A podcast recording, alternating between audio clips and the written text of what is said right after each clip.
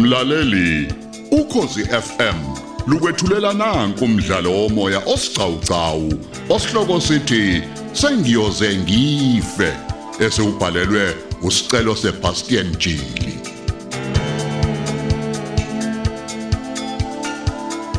Lalela isiqephu seshumi nesishiyagalombili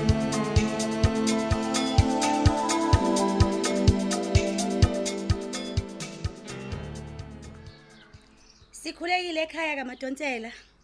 Hawu. Ngavakashela abantu bomthetho ingabe khona nengonile. Hayi ungathi unkosikazi Madonsela akukho kubi.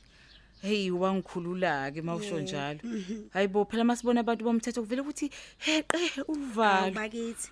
Cha kanti ungacabangi kakhulu. Mhm. Eh inhloso yami ukuza la ngifisa nje ukuqinisekisa amafomu yenu wakho. Hayi mana ke. Ingoba umele ngakholwa inokubhalwe phansi. Well nkosikazi Madonsela Yeah. umsebenzi wethu unemcikisho leminingi. Yeah. Yazi ukuthi kuyenzeka ukuthi umuntu agange ngenamba plate yemoto la ekhaya. Kodwa imoto kungeyona yala ekhaya. Yeah. Yazi ukuthi uyagwetshwa. Kodwa imoto ingakazi ziphume eyala ekhaya.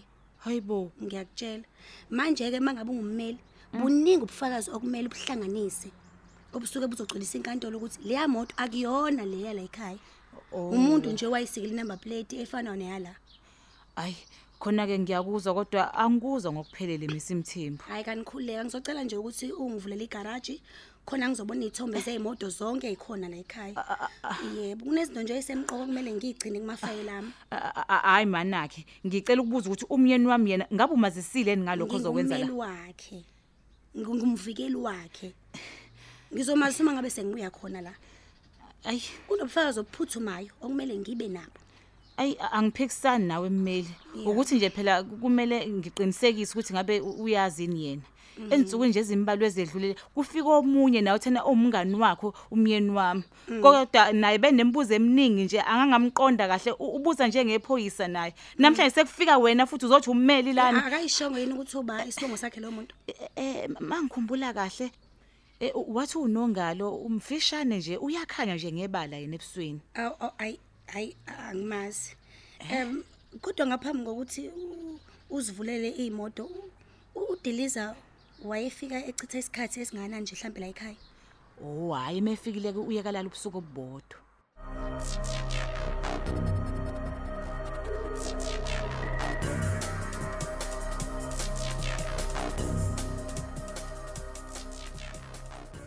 Hey, awulele bro wami. Hey ndonto kizwa umsindo kakapteni ngale usigaxa amabhande. Engathi uhlaselwa amaphupho amabi. Hey ndoda, wangikhumbuza ekhulu ukuthi mawukhuluma ngosigaxa amabhandi. Huh? Ngoba mina kade ngangibona fethi, hey.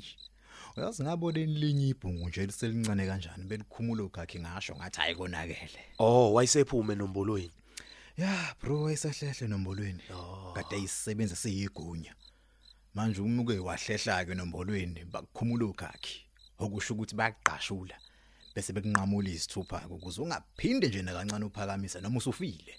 Ngoba usuke phela ususamdenja nje usukawotile yibona lonto. Hey Jomba, abantu abazi ukuthi ijele indawo enzima kanjani. Yikomunye umhlaba lapha. Ya, angithi kufana nokuthi makukhona abaxabanayo ukuze baxolelane kumele kugwazwe isiboshwa. Sibe yimvu yomhlatshelo, ijele leli. Eh, isho njalo inombolo Jomba, ukuze aphuze umadakene emva komphongolo wesivumelwano. Ngqo. Manje amakhenga amaningi asukelele ukunyusa irenki ukuze kuzoba lula ukuba usigaxa amabhande. Bayohlala eduze komadakeni ongabona nangamehlo. Eh, singakhuluma nje Jomba bra wami. Mfowethu, Leya ndawo kuwona umdlalo. Yeah. Akuncengwana lapha. Iyakukhombisa nje ukuthi akhona ikonyoko lumi. uyazi ngeke ngibuke nje okwabafanyana baselokishini kutebhisa amabhuluke kuzenza ukuthi kwazi inombolo. Hey, Bengakaze kwaboshwa nokuboshwa.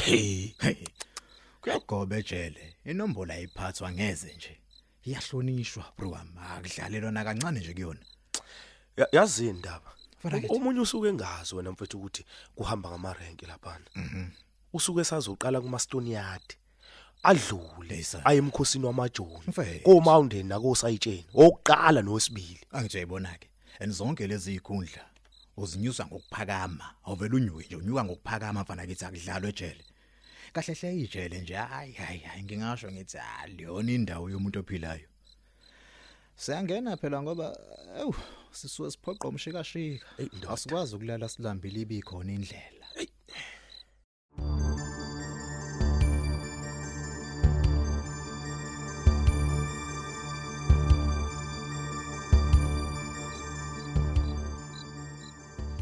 Yebo mama. Kuningi okungididayo manje la ekhaya Eh makonakele manje ngoba phela ngiyofika ngesikhathi engiyofika ngaso. hayi mina ngikhathele le mpilo engiyiphilayo manje abantu baphuma bangena baba la ekhaya banembuzo eminingi ngawe Ya, uthini? Obani abaphuma bengena emzini wami?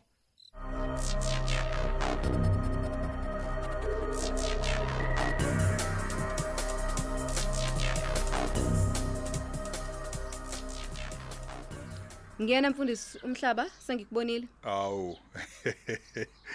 Awu amen umuntu womthetho. Amen baba. Awu ngixolise bokukuzuma ngokuvakasha ungangilindelanga. Awu khululeka baba umfundisi. Phela thina senza umsebenzi obucayi kakhulu. Siyabadinga nje Ngiyabonga. abaphathi bemfihlakalo eduzane kwethu. Hayibo umuntu womthetho. Nali libhubha la emphakathini wethu. Ngikhathazwa yinkinga nezinga nje lokunyuka kobugebengu. Ey baba. Abusafiki nobuthongo ebusuku. Angibuthi nje quthu.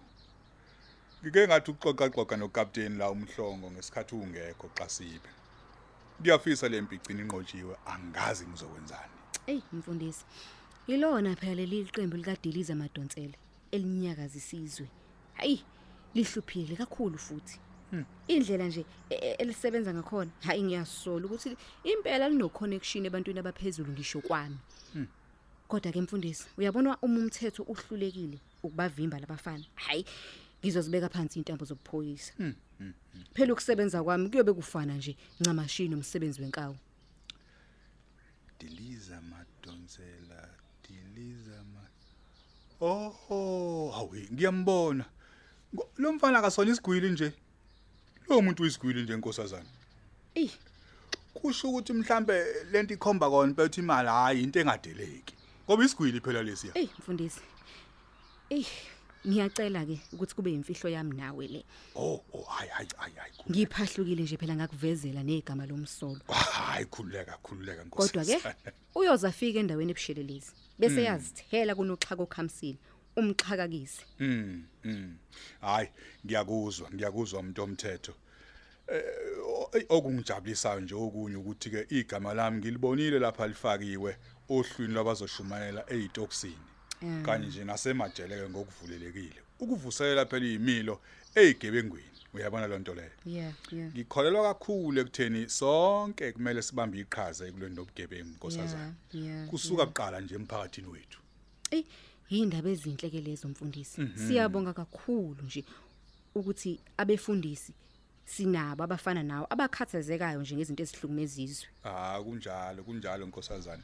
Eh, Kodwa ke ngeke ngigcine nokushumayela nje kuphela ngimemeza uJesu ophilayo futhi osindisayo. Yeah. Ngizobe ngihamba ke nabeluleki bezengqondo ukuthola ukuthi yini ngempela egcini siyiphendula umuntu umdlwembe. Sibhekeke nje nangokwezimo umuntu akhule phansi kwazo.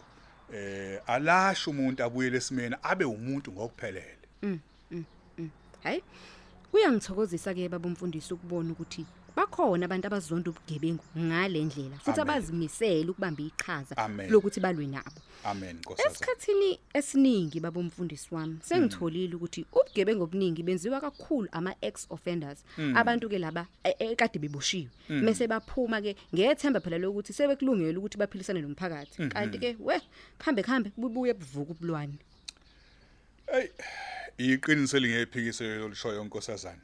Ngokwami ngifisa kube nezinhlelo ezizokwenziwa uhulumeni ukuthi bahlome ngama skills abantu abaphuma ejele. Nanso nje into engiyiphuphayo ukuthi engathi ingenzeka.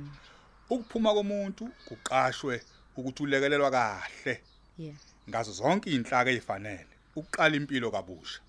Angashiywa nje ayibonele njengeyichwane lenyoka. Kungashiyi ukuthi ithupha zingcolile noma umuntu esefisa ukuqala kabusha impilo yakhe. Ngoba iyambambezela umuntu leyo. ngibona kuwumqondo omuhle kakhulu lowo ngiyahambisana nje futhi nawe impela Okunye ke ebenginombono wakho eh, nkosazana. Yikho ukuthi ke nikuphakamise nani kwaba ngaphezulu kwenu. Kumele ngabe ezobunhloli zithanda ukuthi zithi ukubhukula manje ngoba ubugebengu sebukwelinye izinga manje mawuthatha ukubheka nje. Bekumele ngabe igebengu ngomthetho sekukhona sesisezingeni la igebengu zibanjwa khona zingakaqali ukwenza ubugebengu. Zingakaqali nje nokuqala zibanjwe Yeah. zi- kuselapho zisahlela ukuhlela. Uyabona lento mm, njalo. hayi. Hayi zibanjwe seziwenza sezibenzile ubugebengu. Ey Nkosi yami kanti ke baba umfundisi e- ezokuhloli zikhona impela kanti futhi ziyawenza umsebenzi wazo ngendlela phela nazo abenza ngayo usho kanje yikho phela baba umfundisi ekugcineni nje. Akuvamisile ukuthi kugcine igebengu kuvame ukuthi kugcine ngaloyo mthetho basuke beqinisile phela abadala mengabe bethi ayikho impunga yehlathi. Qasibe angifisi nje ukuthi ke ngigcine ngokuphendula unembeza wesiboshwa kodwa ngiyafisa eh sisebenzisane ningichushiswe nje la njengabantu bomthetho ukuze ngikwazi ukuthi ngelinye ilanga ngithuke ngumuntu osungula ifoundation noma inhlangano nje engenza inzuzo ezobhekelela iziboshwe eziphuma ngaphakathi ejele ukuthi impilo yazo iyaqhubeka noma sebephumile. Kanti ke lokho baba umfundisi ungakwenza phela ngokuthi u- ubasize ukuthi baqeqesheke bafunde phela nokwenza imisebenzi yezandla. Phela kusibo bonke ngaphakathi abathola ithuba lokuthi baqeqesheke. Hayibo uthini wena? Hawu kanti ithuba alivulelwe wonke umuntu. Wey lutho. Hayibo. phela wena baba ayi iningi into eyenzeka lapha ngaphakathi. Mase befika lapha bafike bajoyile lezi izinto lezi. Lezi lezi inombolo baba ama 26 oma 28 lokho Mm. Uma sebengene enombolweni ke bathi asikho isidingo sokuthi ufunde ngoba phela wena vele usuke usuclever. Nkosi yami. Hey. Awu silekelele simakade.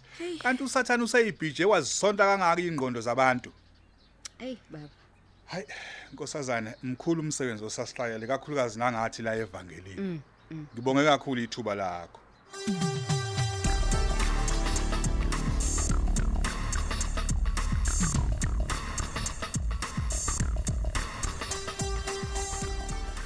Qhudeni wena wavela enyandeni ekhuluma ngilalela.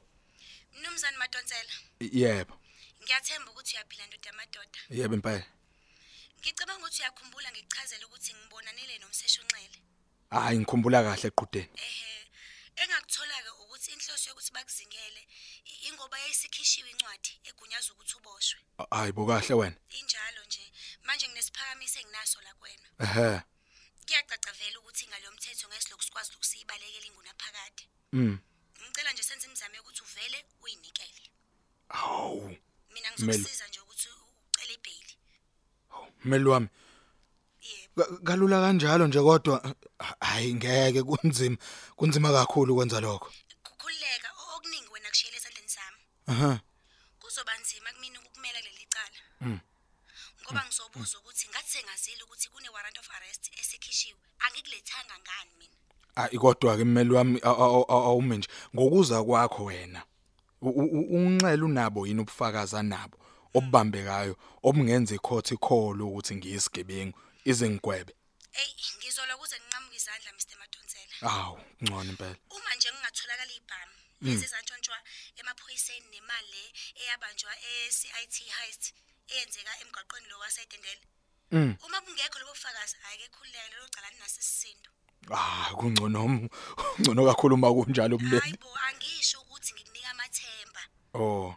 Yikho ngangithi kuwena ungitshele lonke yini iqiniso. Khona ngizokwazi nami phela ukuhloma ngeinduku zokuvikela ebhokisini. Hayi alikho iqiniso elidlula leli engakubiyela lona mmeli wami.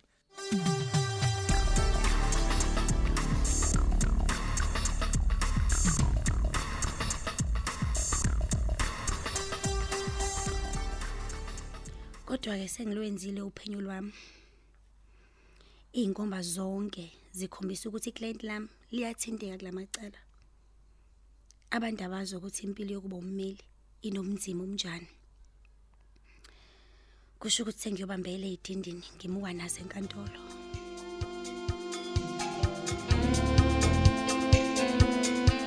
Asubambe lapho ke umdlalo wethu womoya osihloko sithi sengiyoze ngife olethelwa ukozi FM